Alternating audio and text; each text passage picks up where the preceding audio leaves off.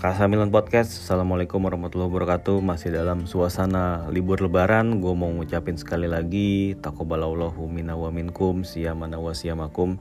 Semoga puasa kalian Puasa teman-teman sekalian uh, Diterima oleh Allah subhanahu wa ta'ala Dan kita bisa dipertemukan kembali dalam Ramadan tahun-tahun berikutnya. Uh, Mohon maaf atas segala dosa dan hilaf Baik disengaja maupun gak disengaja baik yang ada di podcast ini maupun di Twitter atau di mana pun ya. Untuk episode kali ini gue pengen ngebahas lagi hal-hal di luar pertandingan ya.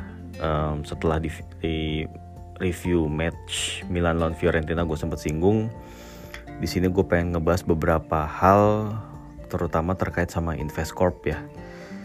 Jadi uh, untuk saat ini deal dengan Investcorp ini katanya pending tanda tangan jadi kayak masih hmm, kedua belah pihak itu masih kayak ngurusin hal-hal administrasi atau masih ada diskusi lebih lanjut lagi gitu ya. Tapi gua rasa sih ini karena libur lebaran kan Investcorp itu mostly dari Bahrain uh, orang-orangnya itu apa namanya uh, merayakan lebaran gitu ya. Terutama uh, direksi-direksinya gitu ya jadi mungkin mereka libur lebaran dulu, abis ini baru dilanjutin lagi prosesnya. Mungkin ya, nggak ada yang ngeberitain sih media media Italia kayak gitu ya. Tapi gua rasa sih ya berhubungan ya mereka mau lebaranan dulu gitu ya. Anyway, uh, proses terakhir katanya uh, sedang dalam fase akhir due diligence. Due diligence itu kan serangkaian kegiatan yang dilakukan uh, yang tujuannya adalah untuk uh, mencari tahu ya untuk memvaluasi, mencari tahu value dari target gitu ya. Investcorp selaku calon investor dia ingin mengecek uh, buku dari uh, si Milan ya sebagai target gitu. Jadi dia akan ngebandingin value, uh, valuasi yang udah diberikan Elliot dibandingin sama hasil pengecekan dia langsung nih gitu kalau memang ada selisih ya itu dibicarakan lagi gitu dinegosiasikan lagi gitu. Bisa jadi selisihnya itu karena ada unsur goodwill. Goodwill itu kan contohnya kalau lo pengen mengakuisisi usaha orang lain gitu ya. Nah orang yang mau diambil usahanya itu dia kan akan ngitung nih oh kalau gua usaha gua nggak diambil sama lu nih gua harusnya punya pendapatan uh, eh, 100 juta setahun misalnya. Ya kalau emang lu mau ambil usaha gue ya lu gantiin dong pendapatan gue yang could have been gitu ya. Yang harusnya bisa gue dapetin selama lima tahun ke depan paling nggak. Jadi lu harus bayar gue 500 juta ya. Gitu kan. Kurang lebih itu kan term sehari-hari yang digunakan kalau dalam akuisisi. Nah ini kan akuisisinya besar ya. Satu miliar satu miliaran euro gitu. Jadi ya mungkin prosesnya akan lebih panjang gitu ya akan lebih banyak eh, diskusi-diskusi uh, lagi analisis-analisis lagi yang kita nggak tahu seperti apa gitu ya. Dan biasanya dilakuin oleh konsultan-konsultan ternama nih yang uh, menjadi bagian dari proses akuisisi ini yang ngebantu lah gitu. Um, sehubungan sama Investcorp juga media udah banyak sekali ngeberitain hal-hal yang menurut gue ya dari mulai hal yang bombastis atau hal yang realistis. Yang realistis katanya oh Milan uh, akan ngebelanjain uh, eh, 100 juta euro gitu. Yang mana 100 juta itu malah kabarnya adalah jumlah yang katanya nih akan digunakan oleh Elliot gitu. Seandainya Elliot itu nggak dibeli oleh si apa seandainya Milan nggak dibeli nggak dibeli Investcorp, Elliot katanya akan berencana ngeluarin 100 juta untuk summer market tahun ini gitu. Nah tapi yang bombastisnya adalah kalau dengan Investcorp katanya bisa ngeluarin 300 juta euro gitu. Muncul dengan list pemain-pemain yang jadi uh, calon pemain Milan katanya. Dari mulai Sebastian Haller, uh, Aurelien Tchouameni, terus uh, siapa lagi? Christopher Nkunku dan lain-lain gitu. Terus yang terbaru kan paling santer didengar Riyad Mahrez gitu ya Marco Asensio gitu ya. Banyak sekali lah pemain-pemain yang diromorkan gitu. Tapi kalau stylenya Maldini kan biasanya ya kalau kita lihat dia akan ngambil pemain yang nggak diduga gitu. Nggak diduga-duga.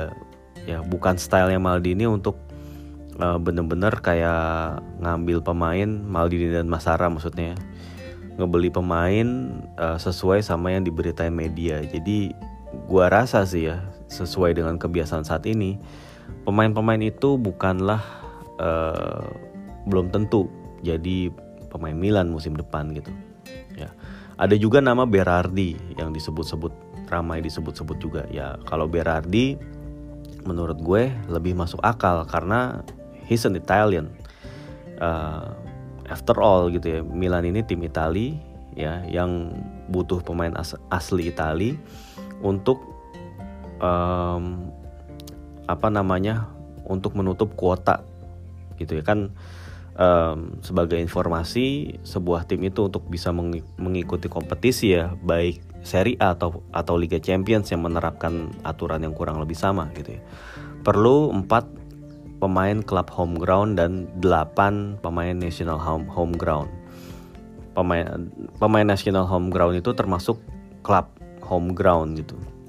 Jadi kalau tim ini punya delapan pemain uh, asli Itali gitu ya. Atau bukan asli Itali sih aturannya. Pemain yang udah main di Italia dari sejak usia muda gitu ya. Jadi makanya Frank itu masuk ke National Home Ground. Ya, uh, termasuk di antaranya empat kemudian pemain dari akademi sendiri. Nah itu udah memenuhi kuota gitu ya. Saat ini Milan uh, masih mengandalkan Calabria, Gabbia, uh, Daniel Maldini uh, sama kiper ketiga biasanya diisi oleh Plitzari atau sekarang kiper ketiga kiper Primavera si Laponava itu. Ya nanti musim depan uh, ada Pobega sebagai tambahan Tomaso Pobega. Ya tapi Daniel Maldini bisa jadi hengkang gitu ya. Uh, terus kemudian pemain Itali ya uh, national home ground sebetulnya masih ada Alessio Romagnoli ya kalau dia perpanjang ya masih ada Florenzi kalau dia juga dipertahankan. Terus masih ada uh, Sandro Tonali ya. Terus masih ada Frank Kessie ya. Cuma kan Frank Kessie kayaknya cabut gitu ya. Jadi uh, pemain national home groundnya kalau Kessie cabut jadi kurang satu. Apalagi kalau ditambah Romagnoli juga cabut jadi kurang dua gitu. Jadi memang masuk akal kalau um, Milan itu masih dihubung-hubungkan dengan Berardi atau bahkan ya Andrea Belotti gitu. Karena dua-duanya they're both Italian gitu. Dan emang butuh pemain-pemain Itali yang tidak hanya memenuhi kuota tentunya tapi juga secara teknis ya. Itu juga memenuhi kebutuhan dari pelatih Stefano Pioli gitu. Jadi ya rumor transfer emang bisa dibuat-buat lah oleh media gitu. Tapi paling nggak kita bisa ngelihat uh, kalau misalnya Milan itu dirumorkan dengan pemain A ya emang kira-kira gitu ya apa yang Milan cari dari pemain ini gitu apa emang butuh gitu kita juga kadang-kadang mesti ngeliat hal-hal kayak gitu lalu kemudian uh, itu soal pemain ya soal manajemen kedua Kabarnya duet Maldini Masara akan dipertahankan begitu juga Geoffrey Mankada di departemen scouting gitu ya. Ini menurut gue memang pilihan yang masuk akal karena Maldini Masara selama ini bekerja dengan baik. Mereka bekerja dalam senyap ya, jarang banget pemain yang tadi sempat gue bilang jarang banget pemain yang bisa diduga oleh jurnalis yang datang ke Milan kemudian gitu ya tapi ya gue juga penasaran bagaimana kalau Maldini Masara kemudian di, dikasih budget yang lebih besar gitu.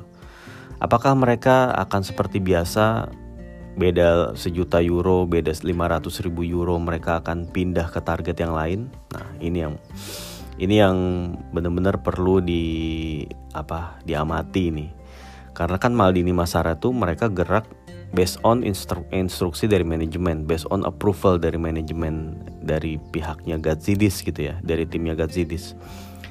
Nah sekarang kalau dengan budget yang lebih besar gitu ya, katanya gitu kan, apakah Maldini Masara akan masih akan melakukan itu?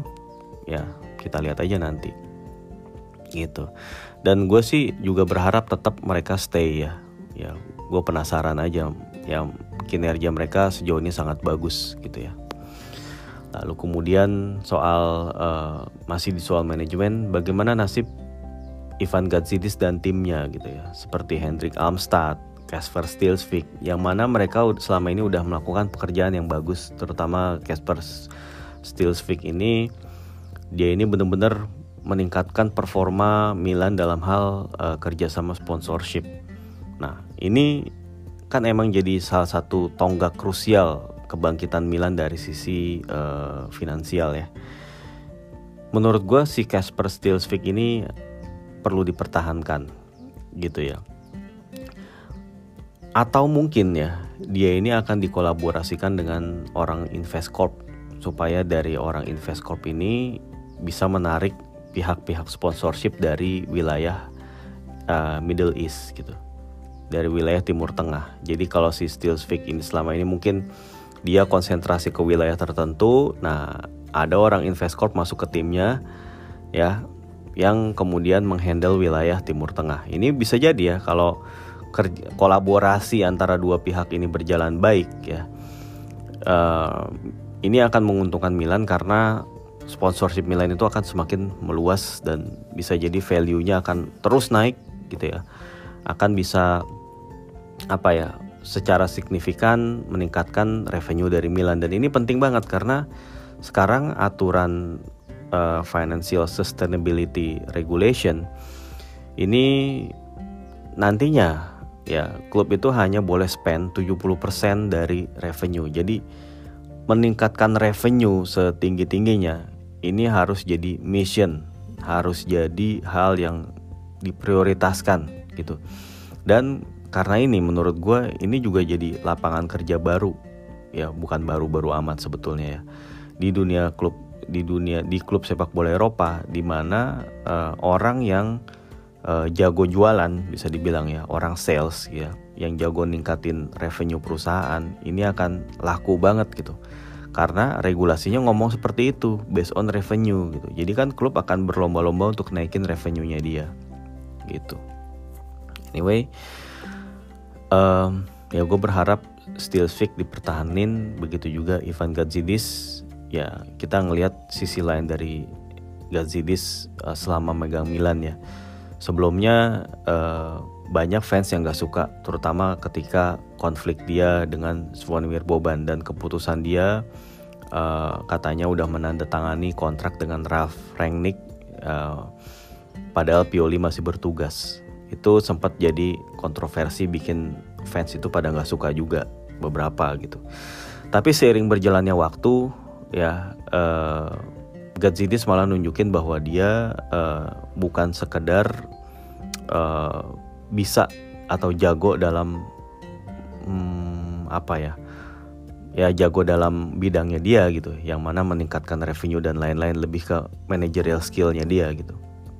Tapi dia juga nunjukin bahwa dia uh, apa ya dia bisa jadi benar-benar jadi part Rossoneri gitu. Terutama pas dia lagi sakit yang dia sakit kanker dan meng, uh, menjalani pengobatan di Amerika gitu ya dia ngasih message ke fans yang menurut gue cukup menyentuh gitu ya seorang Gazidis yang selama ini kita kenal oh dia tuh kayak bos aja gitu ya kayak um, bos-bos di kantor pada umumnya. Tapi dia tuh bisa mengambil hati fans Milan gitu dengan message-nya dia yang cukup personal yang dia bikin gitu ya. Yang mana uh, kurang lebih Gazidis kan pernah ngomongnya ya apa ya menunjukkan gitu kayak ini kayaknya baru di klub ini nih gue ngerasain kultur seperti ini gitu. Kultur yang profesional tetap tapi sekaligus juga passionate gitu ya. Bukan seperti perusahaan biasa bahwa ini entitas ini ada nyawanya juga gitu. Bukan cuma ada raganya tapi ada ruhnya gitu. Dan inilah yang kayaknya mulai diselami oleh Gatsidis gitu di Milan jadi ya dia no problem untuk stay. Katanya paling gak stay sampai November 2022 ini gitu. Ya kita nggak tahu sih. Ya ya ini orang kan juga perlu ngebangun karirnya terus gitu ya. Biar terus meroket gitu ya. Ya tapi semua juga tergantung Investcorp juga. Ya kan logiknya ya lu kalau jadi investor kan pengen nempatin orang-orang lu di posisi-posisi penting.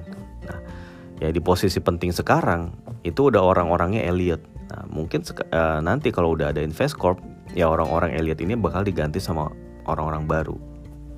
Gitu, logiknya begitu.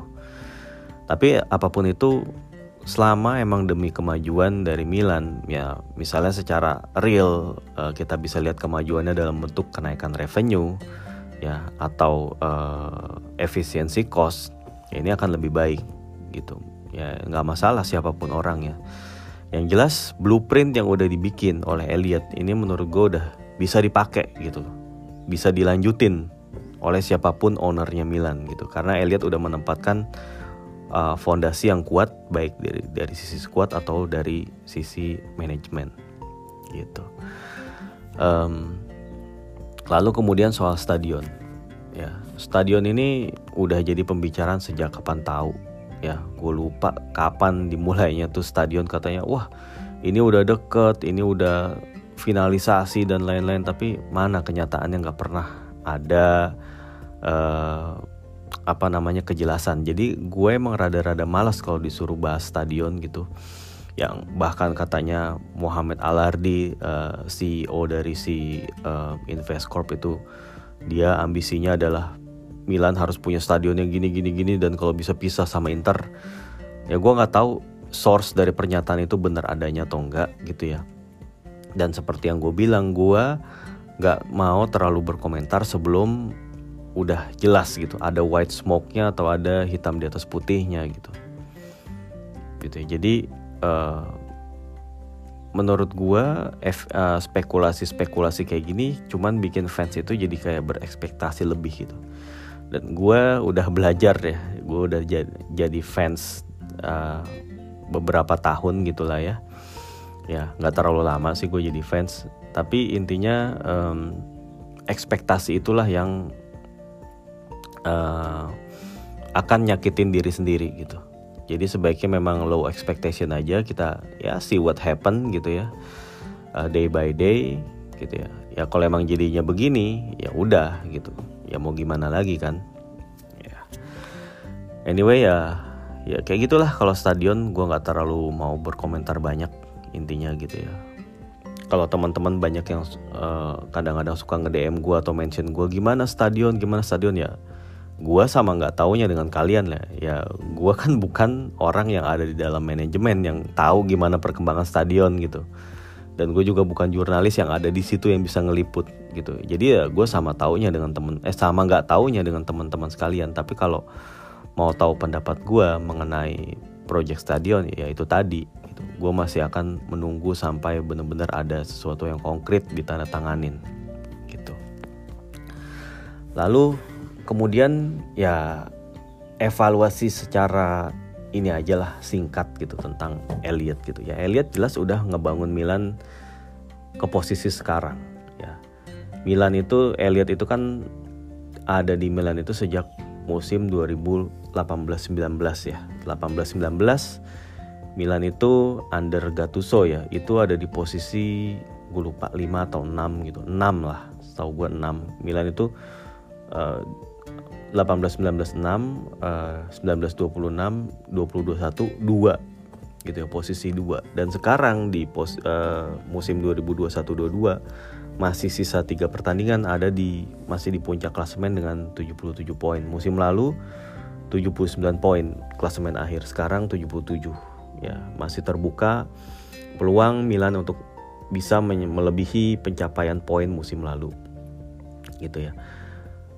Gue nggak perlu jabarin terlalu banyak. Gue yakin teman-teman semua juga paham gitu ya. Tapi under Elliot ya peningkatan itu emang real dari sisi posisi klasemen itu ngaruh dari sisi antusiasme itu juga berpengaruh improve banget dari sisi valuasi pemain pemain yang tadinya value-nya nggak jelas gitu sekarang Theo Hernandez value-nya udah di atas 40. Ismail Benacer juga 40. Rafael Leao bisa 70-an lebih. Padahal mereka dibeli setengahnya dari itu atau kurang gitu ya. Tapi value pemain ini pada naik begitu juga Mike Mignon dan lain-lain gitu. Pierre Kalulu ya. Uh, Sandro Tonali ya. gue yakin juga pada naik gitu uh, value-nya mereka ini terbukti uh, ini ada satu bukti maksud gue itu adalah manajemen yang benar-benar bisa ngangkat timnya itu cukup tinggi gitu ya dibanding posisi sebelumnya jadi kalau Elliot ini ibaratnya ya uh, kayak ibaratkan sebuah pesawat tapi mohon maaf gue gue cukup awam dengan dunia aviasi atau penerbangan gitu ya ibaratnya Elliot itu bisa ngebawa Milan itu ke 3000 kaki gitu ya tapi kemudian uh, Investcorp katanya sih bisa naikin Milan sampai ke 4.000 5.000 kaki. Kita nggak tahu. We don't know that yet gitu ya. Karena uh, balik lagi policy. Policy ini akan sangat terikat dengan FSR yang tadi Financial Sustainability Regulation tadi. Jadi mau sekaya apa pun owner lu ya, kalau revenue lu sedikit ya lu nggak bisa spend banyak gitu simpelnya gitu ya kecuali kalau lu melakukan cara-cara yang ilegal gitu ya misalnya lu masukin revenue lu gitu atau ya lu revenue stream lu uh, ini datang dari source-source yang shady atau yang gak jelas gitu yang kayak gitu-gitu atau dari skema-skema yang melanggar nih yang gak diperbolehkan gitu. Kayak skema-skema yang misalnya dari owner uh, direct injection gitu kepada klub itu kan emang dilarang gitu ya. Ya. Ya tapi kalau skema-skema seperti itu dia akalin ya itu emang bisa aja bikin revenue klub itu jadi gede gitu. Tapi kan ya ini anggap aja Milan gak akan melakukan cara-cara seperti itu gitu ya seperti klub yang ono-ono gitu ya yang lu lu ngerti maksud gue kan ya tapi uh, apa ya kalau emang nggak begitu gitu maksudnya kalau emang Milan nggak begitu jadi ya sekali lagi gue bilang lu nggak usah terlalu berharap ada investment yang bener-bener luar biasa gitu musim depan. Ya kalau budget 100 menurut gue masih bisa di masih lebih bisa dipertanggungjawabkan dan lebih bisa dianalisis gitu daripada tiba-tiba budget 300 juta euro gitu. Nah sekarang simple matematika aja gitu. Ini bukan matematika yang rumit atau matematika yang buat ujian masuk perguruan tinggi gitu ya. Ini matematika sederhana aja gitu ya. Kalau lu spend 300 juta euro gitu ya. Spend 300 juta euro taruhlah ya harga apa namanya durasi kontrak pemain yang rata-rata lu kontrak itu 4 tahun gitu ya. 300 dibagi 4 kan Berarti akan ada biaya amortisasi 75 juta euro. ya. Ini baru amortisasi loh, 75 juta euro. Belum lagi salary atau biaya gaji. Kalau biaya gaji dari spend lo yang 75 juta euro per musim ini, kemudian biaya gajinya itu akan meningkat. Taruhlah biaya gajinya juga akan ada tambahan 50-an, 50 juta euro lah.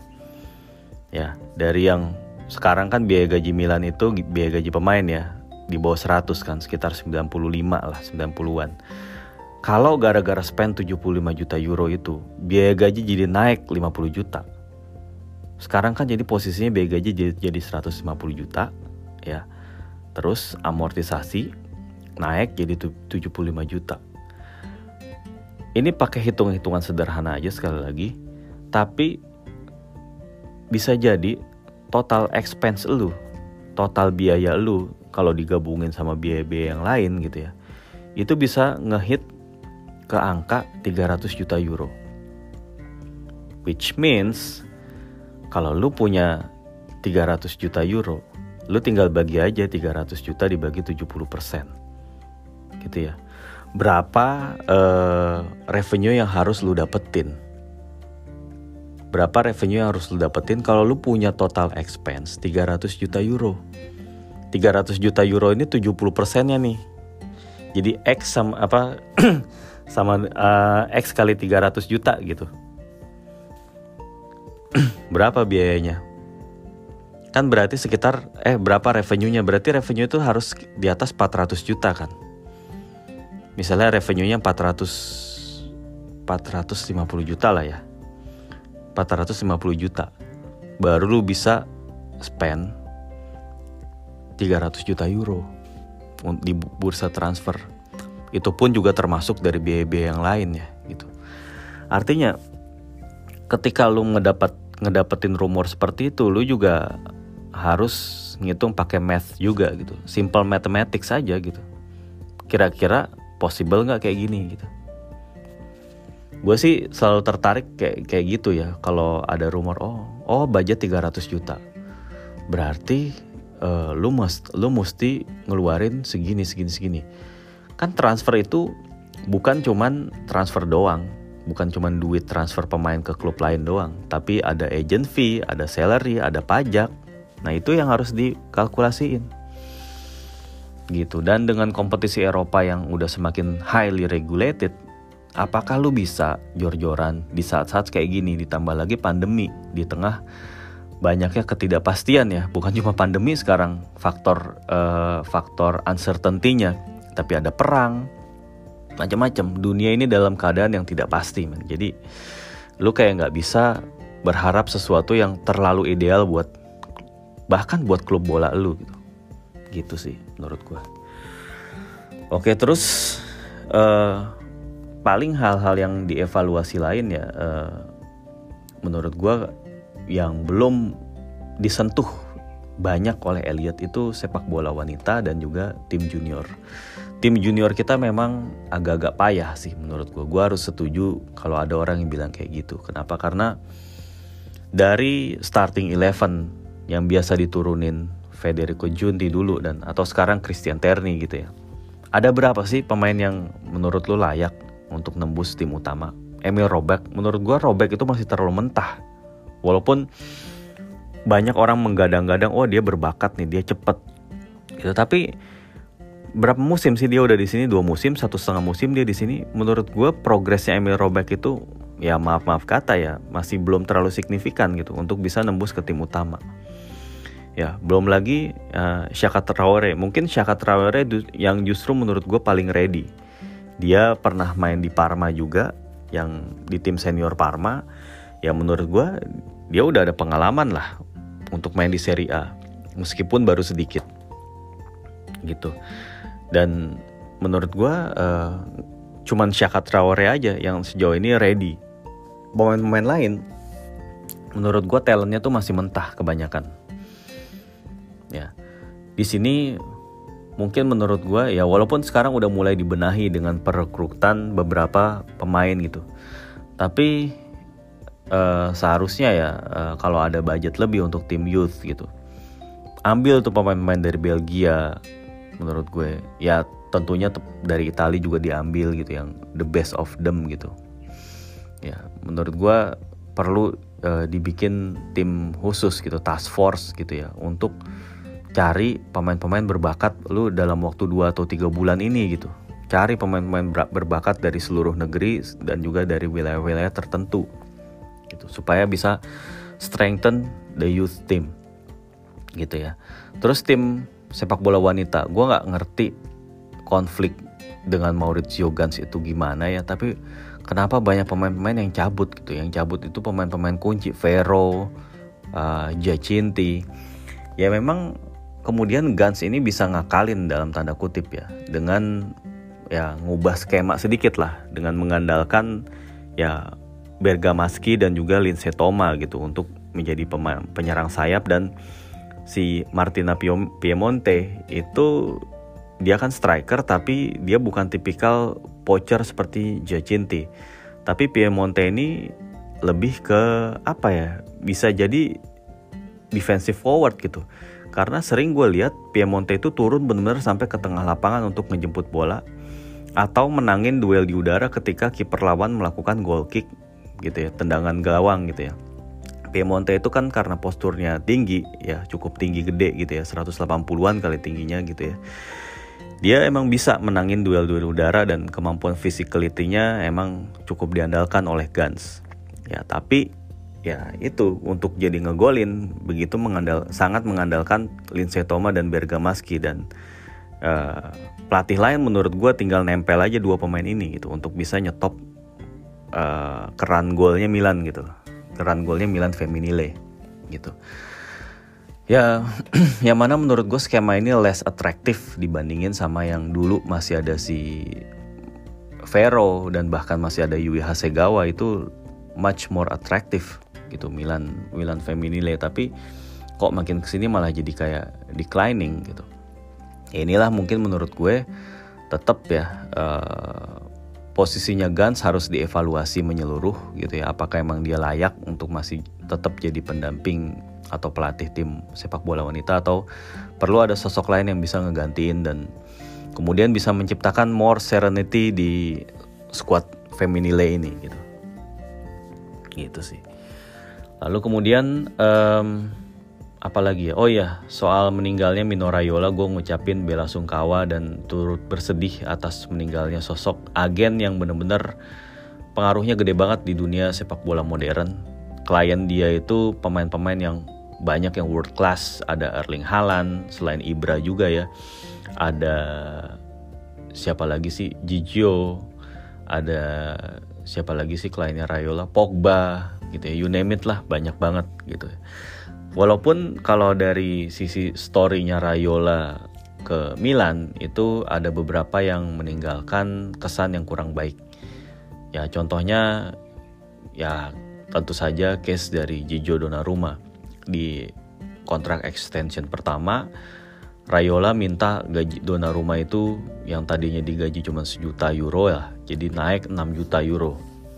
Dan kemarin pas kontraknya habis di musim 2020-2021 gitu ya.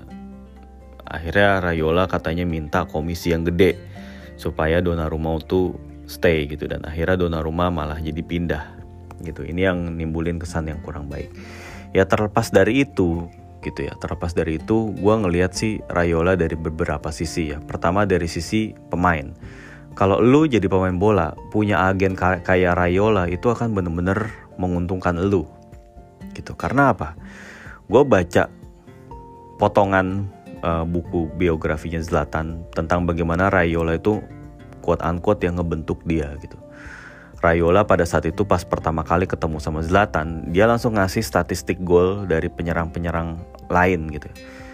Christian Vieri 23 match, misalnya 21 gol. Pippo Inzaghi 25 match 20 gol. Alessandro Del Piero segini, Francesco Totti segini. Kasih tuh data. Thierry Henry segini, jebret gitu kan. Terus si Rayola cuman bilang lu Zlatan, lu cuman nyetak 5, 5 gol dari 20 pertandingan. Gimana gue bisa ngejual lu dengan stats yang buruk seperti ini gitu. Nah sekarang lu ikut kata gue, kata si Rayola, kurang lebih dia gini ngomongnya. Lu ikut kata gue, lu jual tuh mobil ya, lu jual tuh Porsche ya, lu jual tuh uh, jaket lu, jaket Gucci lu, terus lu jual tuh jam tangan mewah lu gitu. Lu ganti semua itu uh, dengan yang simple gitu ya, yang lebih uh, humble gitu ya. Supaya lu tuh fokus bener-bener latihan. Lu harus latihan tiga kali lebih keras dari yang sekarang karena lu masih belum apa-apa dan kalau lu pengen jadi selevel dengan mereka lu harus latihan. Fokus latihan bener-bener untuk ningkatin kemampuan lu dan pada akhirnya itulah yang dilakuin Zlatan dan itulah yang jadi mentalitas seorang Zlatan Ibrahimovic yang kita kenal sekarang gitu. Jadi apa yang udah terjadi pada Zlatan dan kemudian Zlatan itu berkontribusi gede ke Milan itu ada kontribusi Rayolanya juga walaupun gak langsung. Gitu itu yang mau gue sampein gitu ya. Dan uh, dari sisi si pemain ya yang lain ya uh, eh, gue baca ada komentar dari Moisekin itu juga salah satu orang yang dibawa orang yang dibawahi oleh si Rayola juga gitu ya selain Moisekin ada Balotelli juga ya Nah kalau kata Moisekin dia bilang lo yang berjasa mungut gue quote unquote dari jalanan sampai gue kemudian jadi pemain kayak sekarang. Nah ini kan terbukti bahwa Rayola ini juga pinter dalam uh, apa namanya mengakses uh, potensi pemain gitu. Judging player potentialnya itu sangat tinggi. Jadi ya buat pemain ya Rayola ini emang nggak salah kalau dia uh, apa ya lebih dari sekedar agen. Dia orangnya sangat atentif sangat sangat uh, protektif terhadap klien-kliennya. Walaupun dalam banyak kesempatan dia juga seperti ingin mengambil keuntungan. Dia ingin mengeruk sebesar-besarnya uang dari klub supaya pemain itu masih mau stay di klubnya dia gitu. Tapi emang dia emang melakukan itu karena emang dia jago, karena emang dia punya kemampuan dan dia emang megang pemain yang penting-penting gitu.